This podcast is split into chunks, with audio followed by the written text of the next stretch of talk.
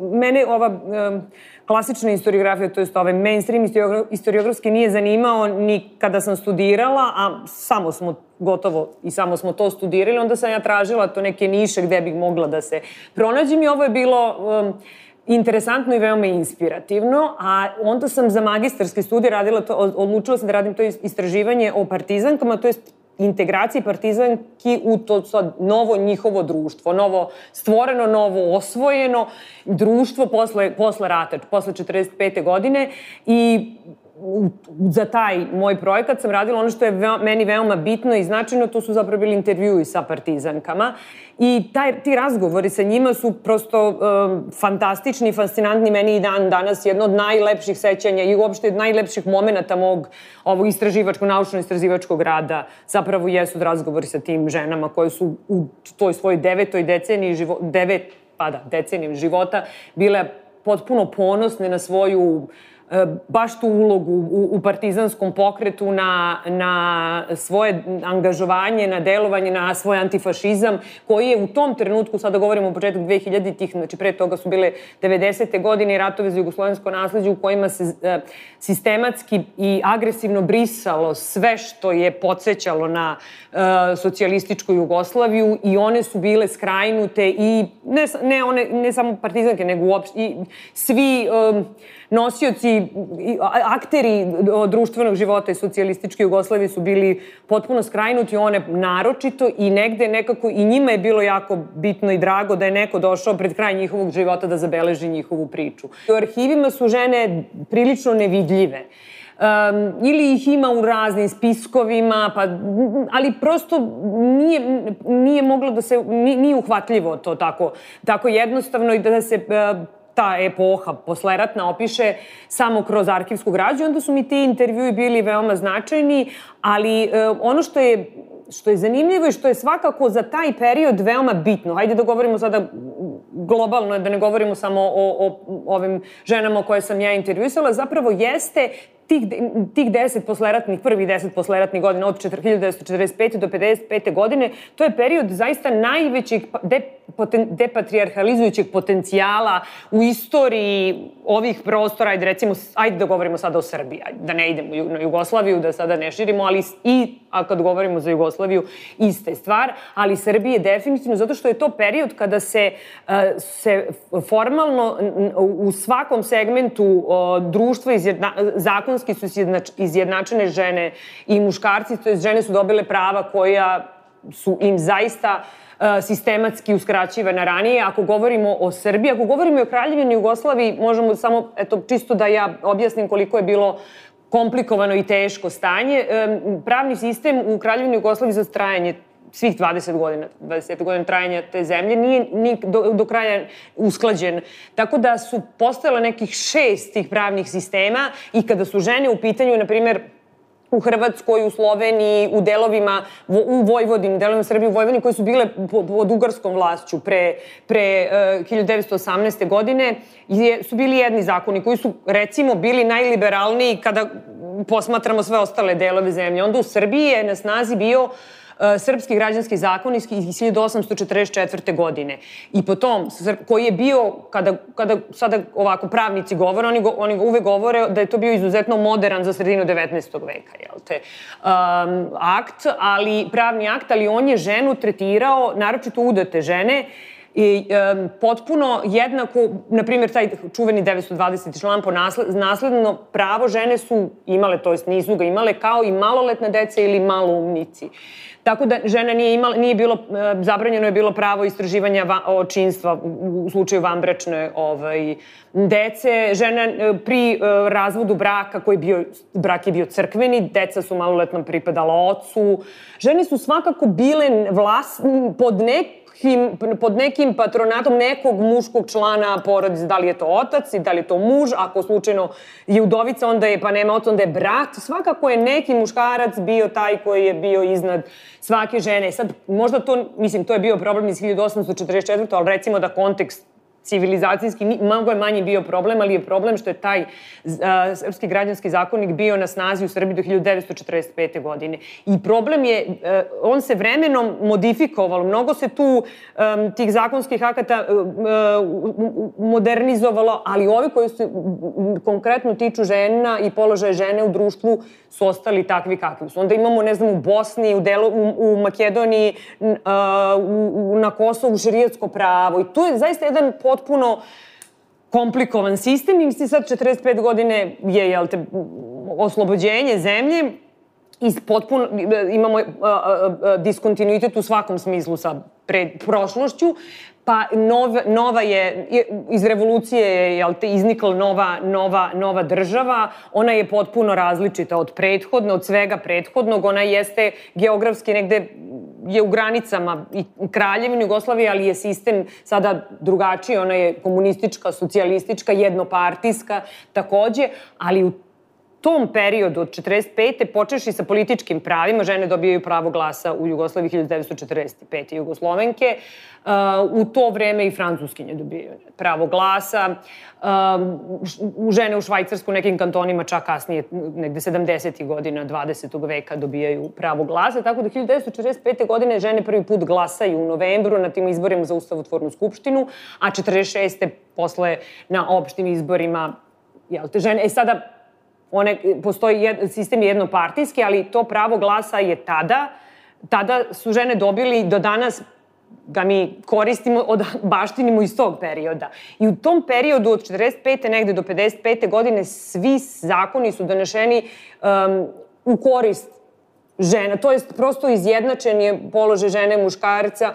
Pri u, u razvod braka je postao uh, svetovni, više nije bio crkveni, pa, pa je bilo moguće da žena pokrene brakorazvodnu parnicu. Um, sva, sva, sva ta e, pitanja socijalnog prava, socijalnih prava žena, radnih prava su formalno no, rešena. E sad, da li je to u praksi funkcionisalo? Naravno da nije funkcionisalo. Zato kažem da je to naj, e, period najvećeg depatriarhalizujućeg potencijala, jer ja i u, za vreme trajanja socijalističke Jugoslavije ne vidim taj kon, diskontinuitet patriarhalni, jer on prosto i nije mogao da se, ne, da se za četiri godine rata uh, poništi nešto što je vekovima, mislim, institucija koja vekovima postoji. Ali ovo je zaista period veoma bitan. Ako govorimo o istoriji žena, u, na ovim prostorima uh, tih prvih deset posleratnih godina, zato što je formalno na svaki način su muškarci i žene izjednačeni. Organizacija koja je veoma bitna u istom tom periodu je uh, za žene. Za Jugoslovenke jeste bio antifašistički front žena Jugoslavije. To je bila jedna masovna organizacija nastala za vreme rata 1942. godine po modelu po kome su nastajale sve te masovne organizacije po modelu sovjetskom komunističkom modelu. U Sovjetskom savezu se ta organizacija zvala Žena od del. U, u, u Jugoslaviji antifašistički front žena Jugoslavije. Ona za vreme rata, uh, ona AFŽ deli sudbinu prosto, znači, žene dele sudbinu države u kojoj žive građani, građanki, svih ostali, pa i AFŽ za vreme rata ima aktivnosti koje su vezane za ovaj, za, za, za rat, ali u posleratnom periodu, uh, uh, u tih osam godina, koliko je trajalo, do 1953. godine kada je ukinuta organizacija, to jest pretvorena u, u, u ne, neki drugi oblik um, ženske, ženskog javnog angažovanja. Ona je, um, te članice Antifašističkog fronta žena su zaista um, mnogo toga uradila na emancipaciji žena, prvenstveno na emancipaciji, zapravo mislim da je najveća uloga i najdragocenije bila emancipacija žena na selu. Zato što s tim ženama zaista on, pre toga niko nije bavio sistematski.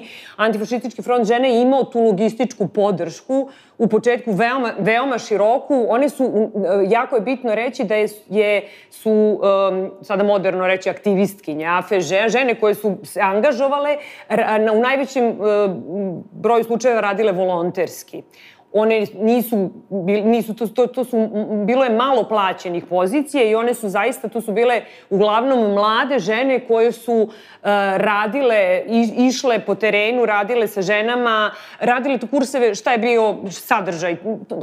Antifašistički front žene je prva ma, politička organizacija, masovna politička organizacija i žene kroz AFŽ su istupile u javnu sferu u, ne, na ne, u jednom novom obliku koji do tada na taj način nije, nije, nije postoje. U međuratnom periodu mi imamo, te, naravno, i građanske feministke, imamo i mlade komunistkinje koje su organizovane, ali žene nemaju pravo glasa. I potpuno druge perspektive, one su a, i avangarda i margina i outsiderke na svaki način marginalizovane, ali su veoma borbene i buntovne i glasne i sjajne takođe. Ali AFŽ sada uh, deluje kao držav, deo znači, državne institucije i i novac je naravno uh, i uh, dobije od, od partije i one rade uh, divne stvari, naročito sa ženama na selu, rade te političke naravno kurseve, rade kurseve opismenjavanja, ali čitava poenta meni se čini kod AFŽ-a nije ni bila poenta da li su se te žene opismenili ili nisu na selima, nego je zapravo bila poenta upoznavanja i um, jednih sa drugima i, kako bi se to danas kaže, umrežavanja. Žena, one su, to su bile uh, vreme mnogo uh, komplikovanijih komunikacija, nije, nije postojalo ni, ni, ovi, ni, ni automobila, mislim, prosto su, svako je bio u svom nekom mestu izolovan, one su njih spajale, oni su se upoznavale, delile so, uh, svoje iskustva i to je, uh, ja kada uh, mislim na AFŽ, ja zaista uvek mislim na sestrinstvo. Prvenstveno na sestrinstvo i na taj rad na terenu koji je bio neverovatno dragocen.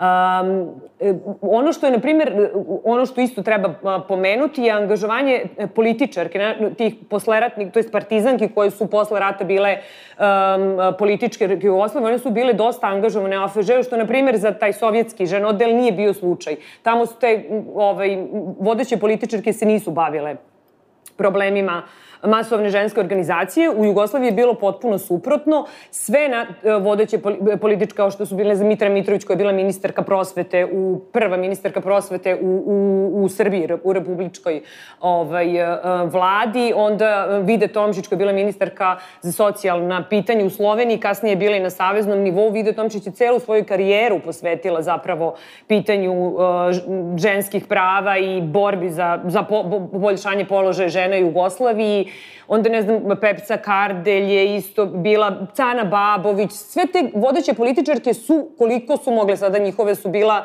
za um, neke, eto, Mitra Mitrović je u jednom intervju koji je dala na naše um, koleginici iz Amerike, ona, ona govori baš u tom periodu i ona vrlo iskreno kaže, znate šta, ja sam se najviše bavila, mene svo moje vreme je uzimalo, naravno, Ministarstvo prosvete, ali sam se trudila koliko god da sam mogla da dolazim na sastanke AFŽ-a i kad god da sam mogla ili ako sam mogla da, napiš, da napišem neki govor pa da delegiram nekog da, govor, da da govori, znači one su na, na neki način bile angažovane i delile sudbinu građan, svojih um, sunarodnikinja, da kažem. E sad, ukidanjem AFŽ-a dolazi do, zapravo vremenom se transformiše i taj, kako, kako se Jugoslavija odvojila već 48. godine od, uopšte od tog sovjetskog puta, kako je taj neki treći put ili već taj meki socijalizam, kako ga zovu samoupravljanje kao jedan poz, onak, o, osoben koncept jugoslovenskog socijalizma, dolazio na, se, se stvarao, tako se su se i te masovne organizacije rasformirale i AFŽ je doživeo u, u, u sudbinu i svih ostalih, sem pionirske, izuzeto pioniri su neko preživeli. Uh, um, ja sam do skoro isto nekako uvek smo misli, uh, čini mi se da, da tu stavimo neku granicu, pa kao dotle, do 53. 1953. godine je jedna od prekretnica, ali zapravo sam radila neku, kasnije, sad skoro, pre nekoliko godina istraživanje, pa sam u arhivu Jugoslave gledala fondove tog Saveza ženskih društava, ko, u kojoj se recimo transformisao AFŽ. I zapravo to i nije bilo tako. I ono što mogu da, zaista sa sigurnoću da kažeš, sam ja bila potpuno fascinirana tom, tim angažovanjem upravo tih rukovo, političarki um, iz vrha države, koliko su one bile predane i koliko su radile i posle toga kroz Savez za ženske društva, to je koliko su se trudile da korespondiraju sa partijom, sa državom, sa svojim uh, saborcima, sa svojim kolegama, da im nametnu na svaki mogući način, ali najpozitivnijem smislu reći, nametnu um, određene, uh, određena rešenja za um, što veću ekonomsku nezavisnost žena. I to zaista svake žene tu zaista jako puno materijala gde one raspravljaju na koji, koji su najbolji modeli da se, eh, da se pomogne nezaposlenim ženama. Onda sprovode početkom 50. godine jedno ogromno istraživanje kako bi svoje kolege ubedile u koje položaj, koliko su žene ekonomski zavisne, da osnuju te domaćičke škole, domaćičke kurseve, da se o, povežu sa stambenim zadrugama, da, znači te žene koje ne rade, da rade u svojim zgradama, da budu zaposlene, na svaki mogući način da se što više više žena ekonomski obezbedi i, i ovaj, osamostali. To je meni, na primjer, to nekako je u, meni bar promaklo, ali nije samo meni promaklo, jer um, malo je pisano u tom periodu posle AFŽ-a pa do 70. godina ima taj nekak kao rupa od prilike, ali u suštini one su zaista, zaista veoma fascinantno radili, pritom moramo eto, imati na umu da su sve te žene imale svoje poslove i porodice i nek, druga angažovanja, ali su zaista radili i uspevale. Ne, ne baš sve da urade, ali uspevali dosta toga da urade. Pa ono što je važno i što je za mene uvek bitno da kažemo ono što, to što sam rekla, da, da, da uvek budemo svesne da tih deset godina, da, da sva prava koje sada baštinimo, koristimo, ona, mi smo ih zapravo dobili od 1945. do 1955. godine. Tada su definisana i on, to su nama oslobodile za nas ili već i za sebe, za upravo partizanke, a kada govorimo sa te ženske strane, mi sada govorimo o ženama, ne, ne govorimo uopšte o kontu, zaista, zaista partizanke, ali uvek moramo da se, da se vratimo i na to nasledđe međuratnog perioda i, i sve te žene koje su se organizovali, koji su u mnogo težim uslovima još radile i na margini, sve su one nekako, ba, sve su one nama bitne i naše prethodnice, ali za, za nas uvek zaista moramo da budemo svesni da ova prava i um, slobode koje mi danas uh, pra, pra, koji, koji danas u praksi koristimo, zapravo baštinimo od, iz perioda 1945. do 55. godine. I ono što je jako bitno, je, jasno je nam je i vrlo se čudne stvari dešavaju u svetu, da nijedno naše pravo nije nam zagarantovano doživotno i eto, i na primjeru tih naših prethodnica vidimo da ni one nisu imale pa su na neki način osvajale prava, neki su se stice raznih okolnosti menjali, u ratu su ih osvajale, da su ginule za, za svoje ideale, ali da i nama apsolutno nijedno naše pravo nije, nije zagarantovano zauvek, ali prosto da budemo svesne da ono što imamo od, od, iz tog perioda baštini. Cela istorija feminističkog organizovanja je jedna potpuno fascinantna istorija. I po svojim događajima i po onima i o, koje su učestvovale i učestvovali u tom feminističkom otporu učestvuju muškarci. Međutim, um, kad gledamo zapravo razvoj pre 90-ih ono, feminističkih inicijativa, feminističkih grupa, mi zapravo pričamo između ostalog i o socijalističkoj Jugoslaviji. Mi ne možemo ni razvoj feminističkog pokreta da gledamo van tom konteksta. Ono kao 51. godine je zapravo priznato pravo na abortus. A, 74. pravo na abortus je ustavna kategorija, to slobodno rađanje, žena koja odlučuje, koja ima slobodu rađanja. 77. godine je abortus dozvoljen um, bez ikakvih ograničenja do 10 nedelja starosti ploda. I činjenica je da zapravo ta priča o učešću žena, o značaju žena, o ženskoj jednakosti ostaje konstantna, konstanta sve vreme postojanja socijalističke Jugoslavije. E sada, to isto Ivana pomenula, a, realnost s jedne strane, dakle, imamo neverovatno revolucionarne zakonske rešenja. Jugoslavija, socijalistička Jugoslavija je potpisnica svih međunarodnih konvencija koje, koje regulišu položaj žena. Dakle, s jedne strane imamo taj nekako institucionalni nivo koji je zaista revolucionaran. S druge strane imamo realnost svakodnevnog života koja je ipak malo drugačija. Sad kažemo zašto je malo drugačije, jer to nije nešto što, kako mi volimo često da razmišljamo, što je pitanje nečeg ličnog ubeđenja ili stava, nego tome doprinose nekakve strukturne pretpostavke. Osnovna stvar koja je nekako činila da, da realnost svakodnevnog života ipak bude malo drugačija kada je u pitanju jednakost muškaraca i žene je zapravo što je koje s jedne strane obrazovanje, pravo na rad, jednako žena bila neupitna tekovina borbe za oslobođenje i revolucije, um, primarna odgovornost žene za privatnu sferu, dakle briga za stare, briga u porodici, briga za decu nikada nije dovedena u pitanje. Nekako se podrazumevalo da je to primarno ženska odgovornost. Efekat toga je da se zapravo u socijalističkoj Jugoslaviji kada žene izlaze u javni život, što je ogromna stvar i potpuna promena u odnosu na prethodni a, život, žene sad nalaze u poziciji da imaju posao, da su aktivne kao društveno-političke radnice i da opet imaju obaveze kod kuće. I to je ono što mi danas opisujemo kao dvostruka opterećena žena.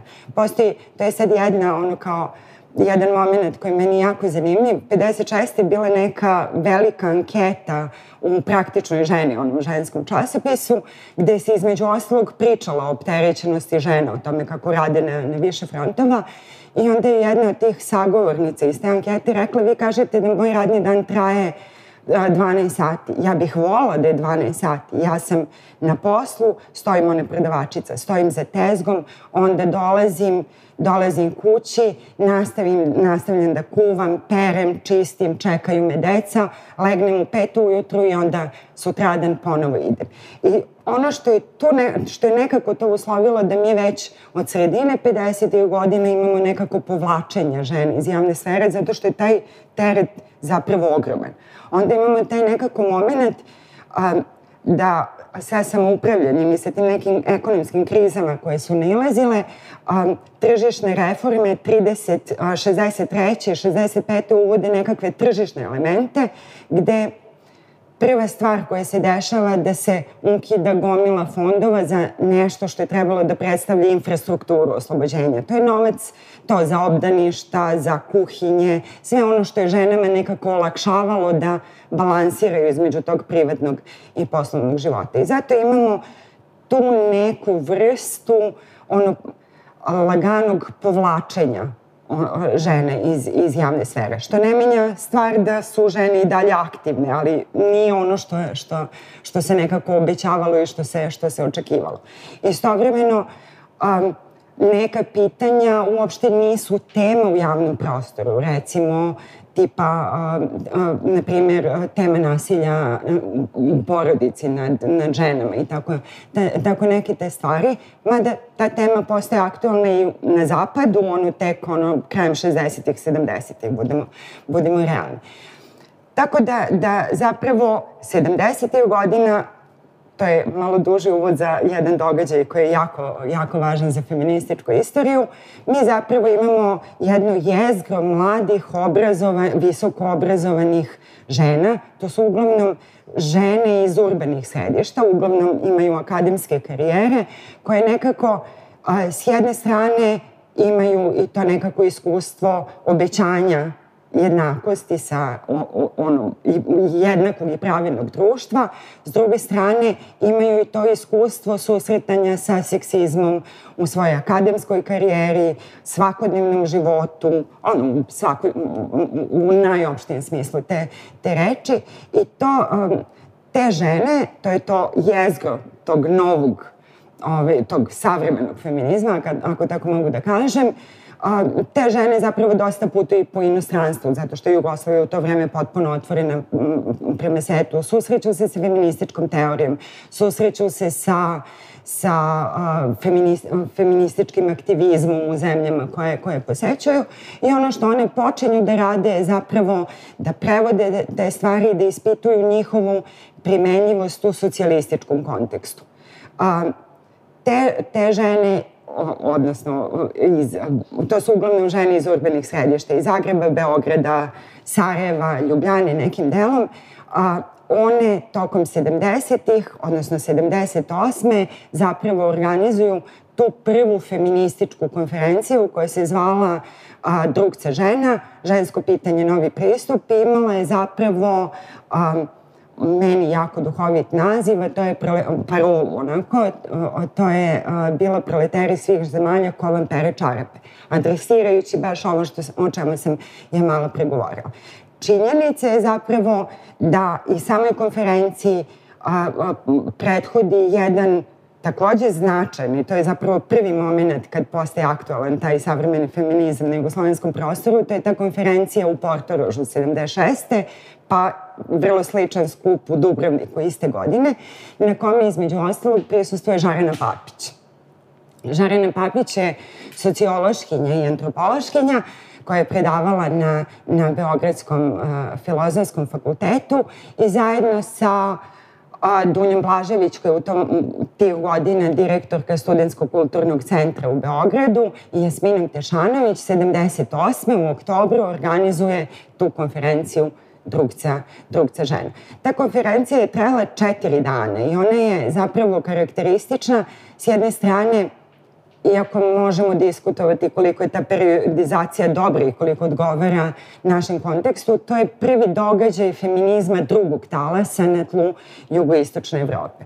Ono što je karakteristično za tu konferenciju, da je bilo mnoštvo gošći iz zemalje istočnog bloka, one zemlje real socijalizma, kako se to tada zvalo, iz Poljske, Mađarske i slično, iz Nemačke, Francuske, um,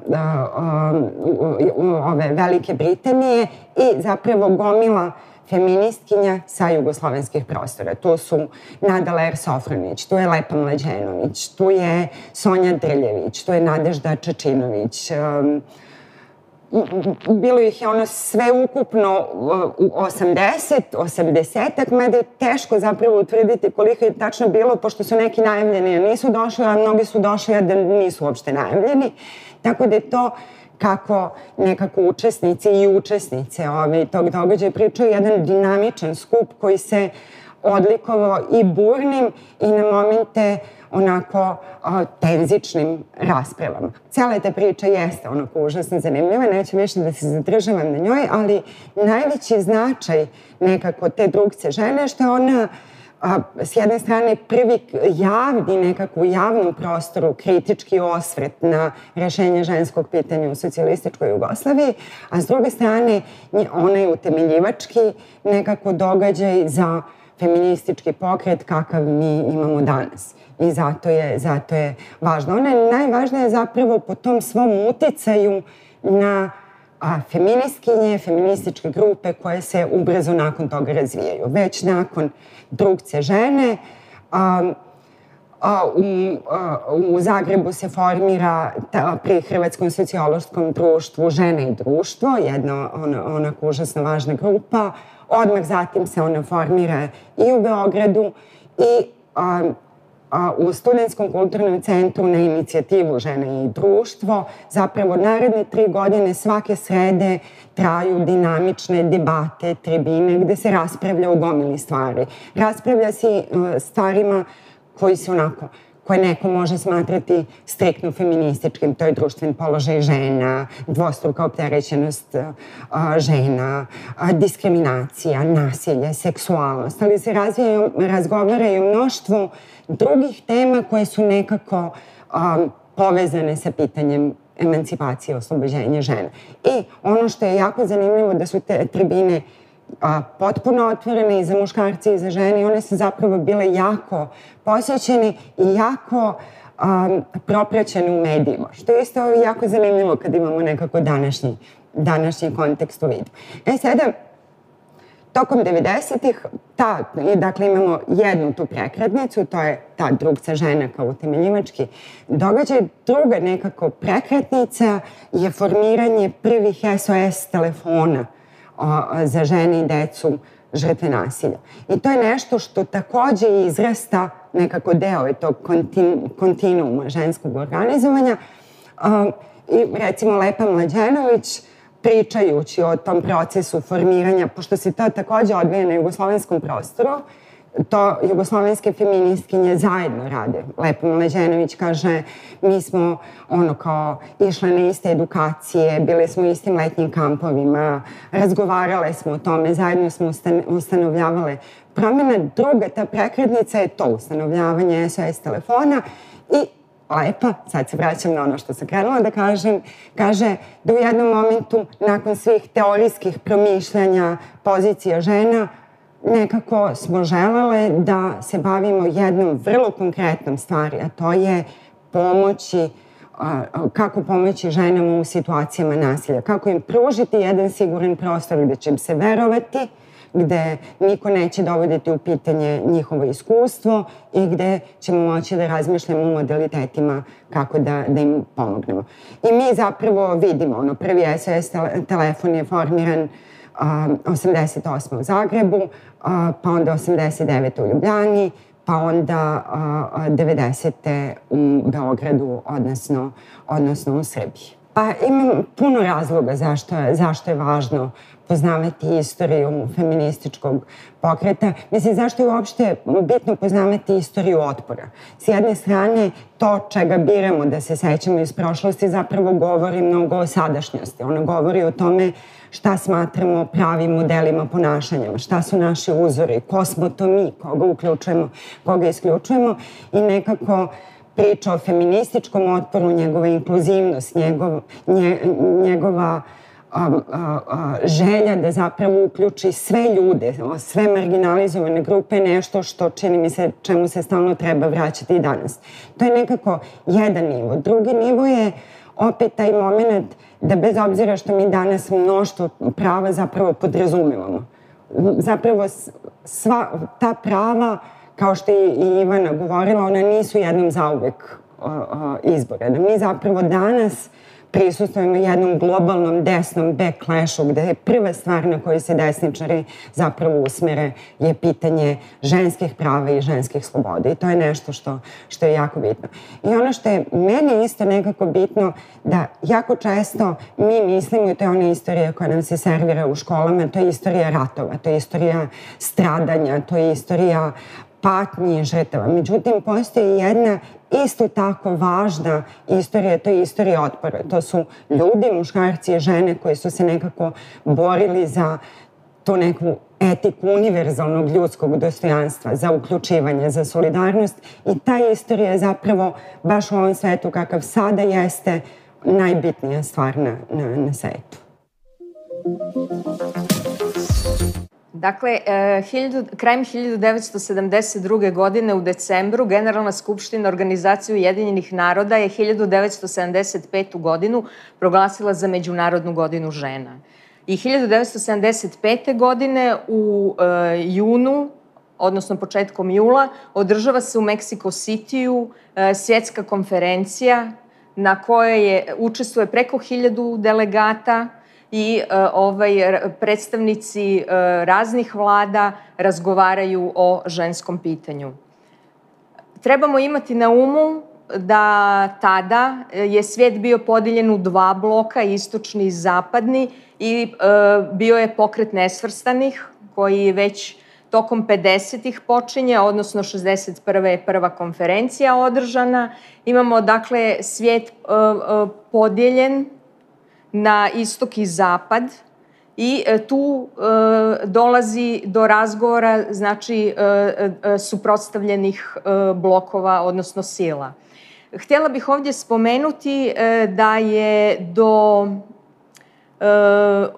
tog događaja da se 1975. godina proglasi Međunarodnom godinom žena, zaslužne su žene iz istočnog bloka, odnosno one su bile organizi, organizirane u Međunarodnu demokratsku federaciju žena i radile su na tome da se ovaj, jednostavno ta godina proglasi za Međunarodnu godinu žena i da dođe do te jedne velike svjetske konferencije. U Jugoslaviji se e, početkom godine organizira Jugoslovenski odbor za, e, za Međunarodnu godinu žena i to u februaru. E, u martu dolazi do prvog sastanka. Za predsjednicu je imenovana Vida Tomšić. Ona je i šef jugoslovenske delegacije u Meksiko Cityu i drži jedan govor gdje kaže da je žensko pitanje u stvari pitanje ne samo žena, nego uopće da se ekonomski razvoj ne može zamisliti bez poboljšanja položaja žena, odnosno da su žene mjerilo razvijenosti nekog društva po njihovom položaju može se vidjeti koliko je neka zemlja razvijena, odnosno nerazvijena. E, te 1975. bit će proglašena dekada žena, znači e, međunarodna dekada žena. E, to se odnosi na, od 1976. do 1985. godine traje ta dekada žena, organizaciju Ujedinjenih naroda. I tu su održane još dvije konferencije, jedna u Kopenhagenu 1980. i još jedna je održana konferencija 1985. u Nairobiju. Također se ponovo sastaju e, e, dakle, žene iz cijeloga svijeta i razgovaraju. E, e, zašto, je, zašto, su, zašto je taj događaj bitan? Znači, proglašenje 75. za Međunarodnu godinu žena. Dakle, osim što se e, susreću suprotstavljene strane, e, mi imamo i u, u svim zemljama vlade, kao na primjer u Jugoslaviji, gledaju kakav je stvarni položaj žena. Mi smo u tom trenutku kao zakonski uh, izjednačili žene sa muškarcima, ali uh, stvarni položaj žena još uvijek nije bio potpuno ravnopravan sa njima. To se vidjelo na tržištu recimo rada, uh, gdje još uvijek dovoljan broj žena nije bio recimo u nekim upravnim odborima, na rukovodećim pozicijama, nije dovoljno, dovoljan broj žena učestva u političkom životu, Dakle, još uvijek je velik broj žena bio e, i e, niže obrazovan e, ili ako su radile, nisu njihovi rukovodioci ili šefovi vidjeli da ih treba recimo slati na razno razne kurseve, usavršavanje i tako dalje zbog e, toga što žene rađaju i viđene su kao ulozi majke, onda su tu e, ovaj, imali neku, e, kako bih rekla, mm, dakle, zadršku.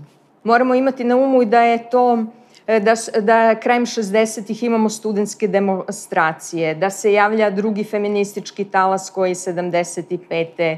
se omasovljava, E, dakle, to je e, vrijeme Vjetnamskog rata. E, imamo još uvijek zemlje koje su kolonije, znači imamo tu dekolonijalizaciju. Dakle, to je vrlo jedno burno doba i ovaj, jednostavno se razgovara i o ulozi žena u miru, u razoružavanju, u tom procesu dekolonializacije. Pa recimo, nedovoljno se zna o toj Međunarodnoj godini i dekadi žena. E, ne znam da li sam sad više spomenula da je to i može se promatrati kao uvertira za e, konferenciju 1978. u oktobru drugarcija žena, e, e, žensko pitanje, novi pristup. Znači, ja mislim da bez te Međunarodne godine žena i ne bi možda došlo do te konferencije, odnosno treba, ne da ne bi došlo do te konferencije, ali treba posmatrati u tom svjetlu, znači e, ta godina međunarodna i ta, ta e, e, svjetska konferencija u Meksiko City je otvorila tu soradnju između zemalja istočnog i zapadnog bloka i jednostavno se žene na zapadu drugačije su dakle pristupale ženskom pitanju. Važno je pričati zato što moramo znati da imamo neke prethodnice i prethodnike koji su se za nešto borili. Mislim, mi tu sad smo u oči, ovo snimamo 8. marta i kad bismo napravili jednu anketu na ulici, vjerojatno većina njih ne bi znala šta taj 8. mart predstavlja, kakav je to dan, šta se obilježava. E, recimo, znači da bi trebalo da se ovaj, u učbenike bolje uvrsti objašnjenje šta je 8. mart i da to nije poklanjanje cvijeća i bombonjera, nego da je to jedan borbeni dan kada su žene izlazile na ulice e, godinama, decenijama i borile se za svoja prava. I da žene e, ta prava nisu dobile tako što su sjedile kod kuće, nego upravo tako što su izlazile na ulicu i borile se, organizirale se, međusobno komunicirale, udruživale se i na nacionalnom i na e, nekom internacionalnom polju. Pa generalno mislim da je važno za bilo koje proučavanje istorije e, kao motivacija koja stoji iza toga, neka želja da, razume, da razumemo celinu. Prosto, kada pričamo o društvu, konkretno kod mene je tako bilo. Znači, želja da razumem društvo, ali ne neke pojedinosti, već e, da razumem celinu priče. Jer istorija, mislim da negde daje najvažniju osnovu prosto za, za razumevanje o čemu god da govorimo. Uh, ili bi trebalo da daje. Sad zavisi. Ja mislim da negde idealno postavljeno istorija daje tu širinu. E sad problem nastaje u načinu na koji uh, se ta istorija najčešće uči. Uh, I mislim da danas, pogotovo kada pričamo i sa mlađim generacijama, da istorija dosta pocenjena kao nauka, jer je dosta nas posmatra kroz tu neku uh, politizaciju. Prosto ona se koristi, jel te, zlupotrebljava se od strane političara, ali ne mogu kažem da mnogi istoričari ne učestvuju u tome. Tako da uh, istorija, nažalost, onda većini ljudi uh, koji koriste na taj način služi upravo kao kao neki dokazni materijal za ono što oni inače misle, znači nije im potrebna ta širina, koju istorija daje, već im je potrebno samo da oni nađu dokaz za ono što oni misle. Tako da ja negde više volim da kažem, obično kažemo da istoriju pišu pobednici. Ja ne mislim da istoriju pišu pobednici, mislim da istoriju selektuju pobednici. Da u tom smislu da, da ta selekcija sećanja je ono što zapravo čini istoriju tako zlopotrebljivom. A kada pričamo konkretno o 90. tu imamo jedan drugi problem, a to je što 90. način na koji su se prosto način na koji se pamte je takav da uh, taj glavni dakle, narativ uh, izbegava da spominje sve ono što se ne uklapa u, u tu nacionalističku matricu i samim tim svi aktivistički pokreti i sve što je bilo usmereno protiv rata ili što na bilo koji način uh, dovodi u pitanje um, uzroke raspada Jugoslavije ili uh, da problematizuje da li do, morao dođe do raspada, pogotovo takvog raspada Jugoslavije, e to je sve ostavljeno negde na margini i prosto uh, nestaje dakle, iz našeg uh, sećanja i na taj način uh, prosto gubi se i ne ideja ovog uh, na čemu ja sada radim, dakle, jeste digitalizacija i na, na, želimo zapravo da sačuvamo u potpunosti te neke privatne arhive i privatna sećanja ljudi koji su bili uključeni uh, 90-ih u Uh, ove aktivnosti, jer uh, ne postoji institucije su zainteresovane za, za bilo kakvo čuvanje te vrste sećanja i nažalost te stvari da, da, da nismo započeli ovu vrstu arhiviranja bi bile izgubljene jer i u, razgovori, u razgovoru sa tim ljudima mi smo došli do zaključka da oni ne znaju šta da rade sa tim svojim nekim privatnim arhivama. Tako da sad imamo taj problem. Znači imamo tu zvaničnu historiografiju koja se ne bavi o, s, svim ovim pokretima koji su, kažem, na margini I imamo, dakle, nas, neke nezavisne istraživače koji sada pokušavamo te stvari da sačuvamo i da prosto ih približimo, ne samo sačuvamo, nego ih približimo nekim možda uh, mlađim generacijama.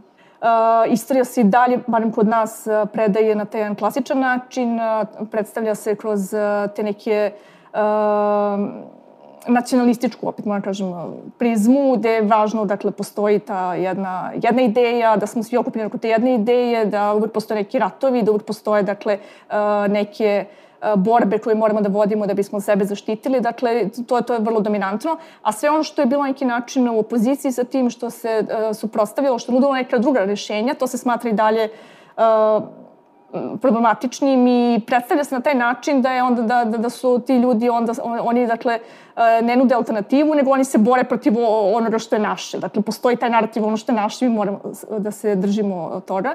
Tako da u tom smislu ženski o, pokreti ako se ne da nešto da spomene to to je vrlo mislim ali ne mogu da kažem da se sećam iskreno da se tako nešto uopšte i, i pojavljuje. Ali tu je sad meni, e, e, ta tema mi je važna ne samo, izbog, ne samo zbog ženskih pokreta, nego zbog svih stvari koje su neki način um, koje se ne nalaze dakle, u tim lekcijama, koje su prosto izbačene iz tih lekcija.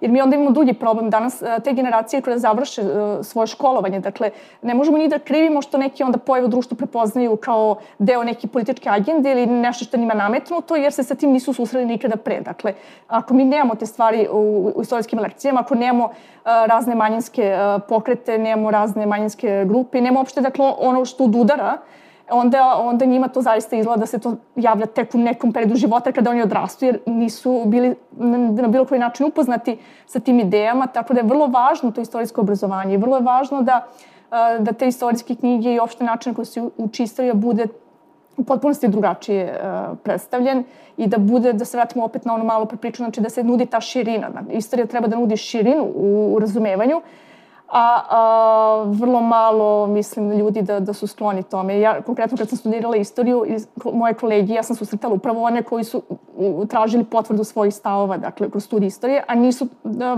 došli da studiraju istoriju da bi proširili svoje razumevanje e, društva. Tako da, moramo krenemo od toga, dakle, da istorija nije nešto što vi treba da naučite i da je to baš tako, nego da vam ponudi upravo čitavu lepezu svega onoga što se desilo i da na osnovu toga se vi ohrabrite da razmišljate o nekim alternativama. Pa kad pričamo, kad govorimo o mirovnom pokretu 90-ih, eh, ono što prvo upada u oči jeste zaista da su žene većinski bile angažovane u antiratnom eh, pokretu i da su praktično od prvog dana bile te koje su glasno ustale i organizovala se i suprotstavila se uh, samo ideji da, da, da je rat rešenje. I onda sad imamo tu jednu, rekla bih možda dolazimo na malo klizav teren, da onda sad delimo um, celu tu priču uh, raspada Jugoslavije na uh, ženske mirovne pokrete i na sad onda nužno mušku, jel te, drugačiju perspektivu koja je više bila ratno huškačka i tako dalje. Uh, mi, mi zaista kad gledamo, većina muškaraca jeste, odnosno ti koji su odlučivali, jesu bili muškarci koji su zagovarali rat ili koji su išli u rat. Uh, ali treba, treba, biti, treba tu biti oprezan i reći da mnogi muškarci nisu isto tako bili za rat. Da nisu želi rat, da je bilo mnogo muškaraca koji su bili dezerteri, koji su dakle, odbijali da učestvuju u, u, u toj politici i da je njima nametnut uh, taj jedan agresivni, uh, toksični maskulinitet, uh, da, je, da ideja da oni sad moraju da reprezentuju muškost na jedan način, ove, njima bila apsolutno nametnuta ali što se tiče njihovih aktivnosti, one su bile izuzetno brojne i bile su izuzetno važne. Dakle, pre svega u Beogradu se organizuje veliki broj žena, ali ne samo u Beogradu. Treba reći da u Vojvodini bilo mnogo, mnogo aktivističkih ženskih pokreta, da su te žene izlazile na ulice, da su prosto borile se uh, protiv ratne propagande, da su štitile uh, dezertere, prigovarače savesti, da su pomagali izbeglicama, da su slali humanitarnu pomoć, tako da je njihova njihova aktivnost bila izuzetno velika, ali opet uh, one su negde ostale na margini zato što su uh, žene. Dakle, samim tim što su žene u, ovakvom patriarchalnom društvu i dalje, one nisu bile toliko važne. I onda to čime se one bave isto tako ne može bude puno važno. I to je recimo zanimljivo, meni, mene iznenadilo kada sam saznala da nije sada bilo mnogo nekih represija protiv tih antiratnih pokreta, kao što recimo danas imamo kad posmatramo situaciju u Rusiji i tako dalje. Mi vidimo kako se drugačije obračunavaju. Konkretno u Srbiji nije bilo toga, već su negde bili, bili ignorisane prosto. Te žene su bile ignorisane, I na taj način nije im se davalo na, na značaju i onda su one to kao mogle da rade taj svoj posao, ali nije on uspio da, nažalost, da dopre do, do, do većeg broja ljudi. Jer je to ipak i vreme i pre interneta, pre ovih mass medija, tako da je to onda ostalo ograničeno na jedan mali broj ljudi koji je mogao da uopšte sazna te aktivnosti, ali uh, bilo bilo izuzetno važno sve to što su radile. Pa žene u crnom su svakako najpoznatija najvidljivija uh, feministička organizacija i jesu imale apsolutno najveći značaj i utice i organizovali su najveći broj akcija i ono što je važno, opstale su do današnjeg dana. Uh, I moram da kažem da žene u crnom imaju dobru arhivu svih tih svojih aktivnosti, da su izdale i dosta publikacija, da imaju dosta i fotografija i, i svega. Uh, učestvovali su praktično u svim akcijama važnijim 90-ih. Uh, ja bih izdvojila možda najvažniju akciju, opet o kojoj se ne zna danas toliko, ali koja u to vreme zaista bila uh, velika. To je akcija Crni flor, koja je bila organizovana kao najveći antiratni protest u Beogradu 90-ih, uh, konkretno u, mar, u maju 92. godine. kao reakcija na opsadu Sarajeva, na početak rata u Bosni. I ideja je bila dakle, da se napravi jedan crni flor, koji bi trebalo se proteže od Palate Albanije do Trga Slavija, cijelom dužinom Terazija i uh, da svi ljudi dakle drže, pošto nisu mogli naravno naprave flor koji bi te dužine, našli su, improvizovali su, našli su neke uh, crne, uh, crno platno ili kombinaciju uh, nekih uh, papira crnih. U samom slučaju sklopili su, dakle ljudi su držali sve te, ovaj, praktično taj flor improvizovani, držali su u, duži, u dužini od kilometra i 300 metara i preko 50.000 ljudi, nekih kažu čak i 100.000 ljudi da učestvovalo u toj akciji. To je definitivno, dakle, najvažnija antiratna akcija koja danas mislim da nije toliko poznata koliko je u tom trenutku bila velika i važna. Ali pošto ste me pitali za neku anegdotu, tu mi je recimo ostala simpatična priča Lepe Mlađenević s kojom sam razgovarala u sklopu istraživanja antiratnih pokreta, koja mi je rekla, objasnila mi je koliko je zapravo njima kao aktivistima bolo oči kada se pojave političari na nekom takvom skupu sa namorom da iskoriste jel te, i da dobije neke političke poene, što nam je, mislim, poznato i do dan, dan današnjeg. I konkretno je tu bila situacija gde su aktivistkinje, fem, feministkinje, aktivistkinje, dakle, po, po svakoj logici trebalo stoje u prvom redu i bio je dogovor da stoje u prvom redu. I onda se u tom jednom momentu pojavi Vuk Drašković koji je stao na mesto Lepe Mlađenović. I sad Lepa Mlađenović nam objašnjava kako je ona zapravo gurnula Vuka Draškovića i izgurala ga prosto sa njenog mesta i kako se nije uplašla njega ako je mnogo krupniji od nje i još u to vremena on je sad bio samo onako ovaj, kao neki, predstavljao se kao neki gorostas i tako dalje. I sad ja, ja zamišljam tu scenu koju Lepa Mlađenović gura Vuka Drašković i to mi je recimo baš fenomenalno. Pored Staše Zajović i žena u crnom je Lepa Mlađenović, tu imamo uh, Ljilju Spasić, koja mislim da nije možda dovoljno isto poznata. Ona je predvodila jedan izuzetno važan antiratni pokret u Pančevu. Uh, pored uh, njih uh, imamo tu uh, iz Centra za antiratnu akciju, imamo Vesnu Pešić, koja recimo pre nego što je postala, o, po čemu mi pamtimo, političarka 90-ih, ona je dakle bila izuzetno angažovana u antiratnim aktivnostima u Centru za antiratnu akciju, da je bila jedna od osnivačica. Tu imamo Linu Vušković, Imamo Nadeždu Četković-Radović, imamo Zoricu Trifunović i tako dalje. Ima tu mnogo žena, sa ne volim nekog da, da zaboravim. Ali naša ideja, dakle, projekta na, ko, na kome radimo, jeste da sakupimo sećanja što većeg broja žena koje su bile uključene na razne načine u ove, aktiv, u ove pokrete i da uh, kroz razgovore sa njima i ta sećanja sačuvamo kroz, prosto kroz intervjue i da njihove privatne arhive digitalizujemo i sačuvamo od zaborava, jer ako to ne uradimo sada, mi neće prosto niko, to će sve da se zagubi. Ja mislim tu postoji jedna baš važna epizoda koje, uh, o kojoj malo ljudi zna, čak i istoričar koji se prosto nisu usmerili toliko na 90.